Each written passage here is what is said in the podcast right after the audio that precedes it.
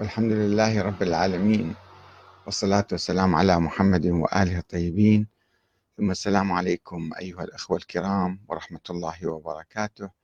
وإلى حلقة جديدة من سلسلة مواضيع حول من هو الإمام جعفر الصادق. وهذه هي الحلقة السادسة. هل الولاء لأهل البيت ركن من أركان الإسلام؟ آه طبعا قدمنا خمس حلقات سابقة كانت بعنوان هل كان الإمام الصادق معينا من قبل الله تعالى؟ وهل كان حجة من الله؟ وهل كان محدثا ويعلم الغيب؟ وهل كان مفوضا في التشريع؟ وهل كان حديثه صعبا مستصعبا؟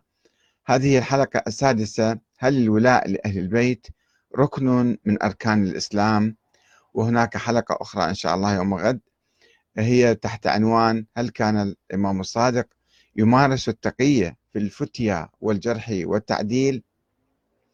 قبل أن أبدأ الحديث هنا هذا اليوم أود الإشارة كما أشرت من قبل إلى أن كل الأحاديث التي سأوردها وأستشهد بها هي من كتاب الكليني آه، الكافي للكليني كتاب الحجة باب ما نص الله ورسوله على الأئمة واحدا بعد واحد حديث رقم ثلاثة وأيضا باب ما وحديث رقم آه، وكتاب الروضة وكتاب الحجة باب فيه نكت ونتف من التنزيل في الولاية وكتاب الروضة رسالة الإمام الصادق كتاب الحجة باب نادر في حالات الغيبة كتاب الروضة كتاب الروضة آه، الحجة نفس المصادر هذه.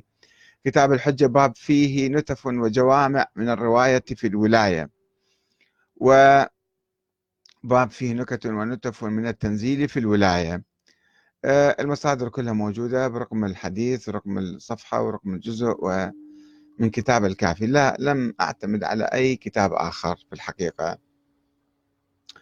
وأيضا أود أن أشير إلى أن آه، هذا الموضوع كما سوف نرى في الأحاديث إما يعتمد على أحاديث مشكوك فيها وضعيفة آه، أو تأويل للقرآن بصورة تعسفية. يعني آه، الغلو والغلاة كانوا ينسبون أحاديث للإمام الصادق. تتضمن موضوع أن الولاية ركن مهم وأهم ركن من أركان الإسلام. ويعتمدون على آه، تأويل القرآن بصورة تعسفية بدون أي دليل أو يعني يحرفون القرآن ويجيبون آيات محرفة لكي يثبتوا هذه النظرية. وكلها أحاديث طبعا هنا منسوبة للإمام الصادق.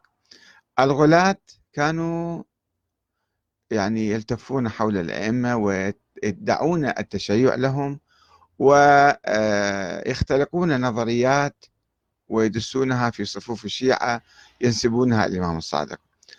هذا آه، الغلو آه، وهؤلاء الغلاة كانوا سببا رئيسيا في آه، تقسيم المسلمين في إحداث التفرقة بين المسلمين وفي عزل الشيعة في نفس الوقت. يعني بفكرهم المغالي منذ ذلك اليوم وإلى الآن في الحقيقة هم ساهموا آه، بعزل الشيعة كما يقولون ويدعون بتكوين الطائفة الشيعية. وإلا الطائفة الشيعية هي مسلمة يعني ما في فرق. في القرون الأولى لم يكن هناك فرق بين المسلمين بين شيعة وسنة.